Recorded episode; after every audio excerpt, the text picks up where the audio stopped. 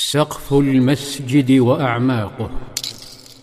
كان المهاجرون والأنصار في حالة بناء في لحظة تشييد للوطن. وكان المسجد يمثل حجر الزاوية للوطن الحلم. الكل كان يشارك في البناء. الكل يعرق يعطش في منافسة على الأجر. كانوا يتغنون يرتجزون والنبي صلى الله عليه وسلم بينهم.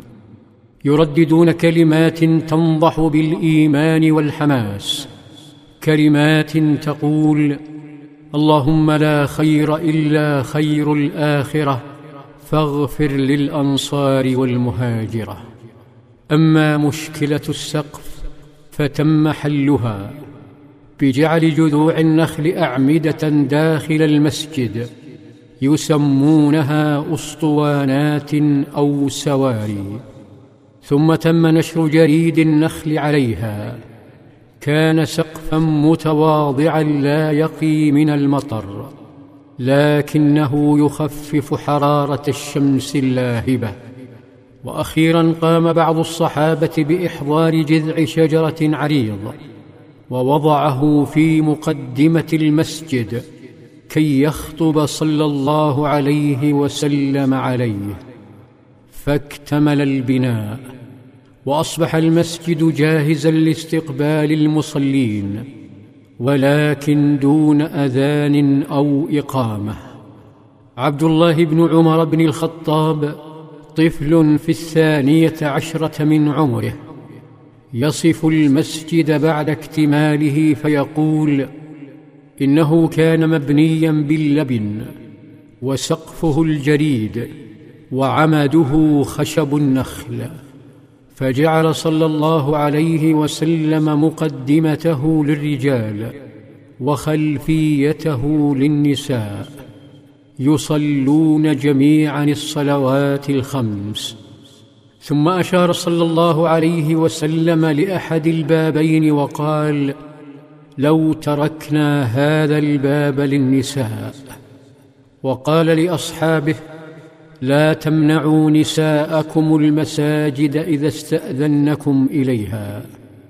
كان المشهد يثير حسد اليهود ويثير حسرة اليهوديات والنصرانيات اللواتي حرمهن رجال الدين من السؤال داخل الكنيسة. قالوا للمرأة يحرم عليك الحديث في الكنيسة حتى مع النساء. وإذا أردت السؤال فلتطلبي من زوجك أن ينقل السؤال إلى الحاخام أو القس.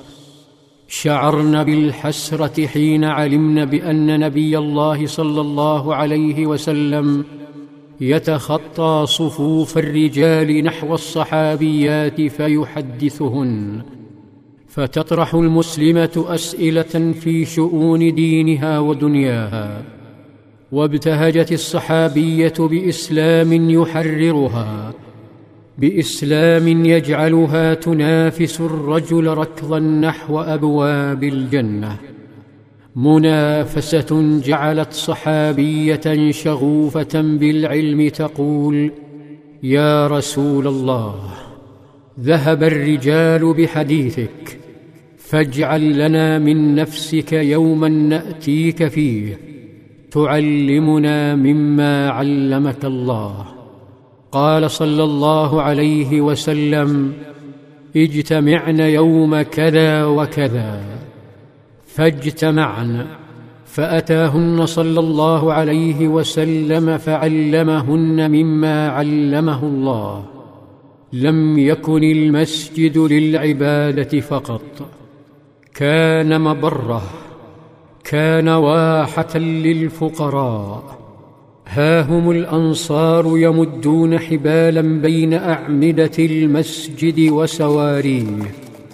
ليتدلى منها كرم الأنصار مرة أخرى. في ظلال السيرة. في ظلال السيره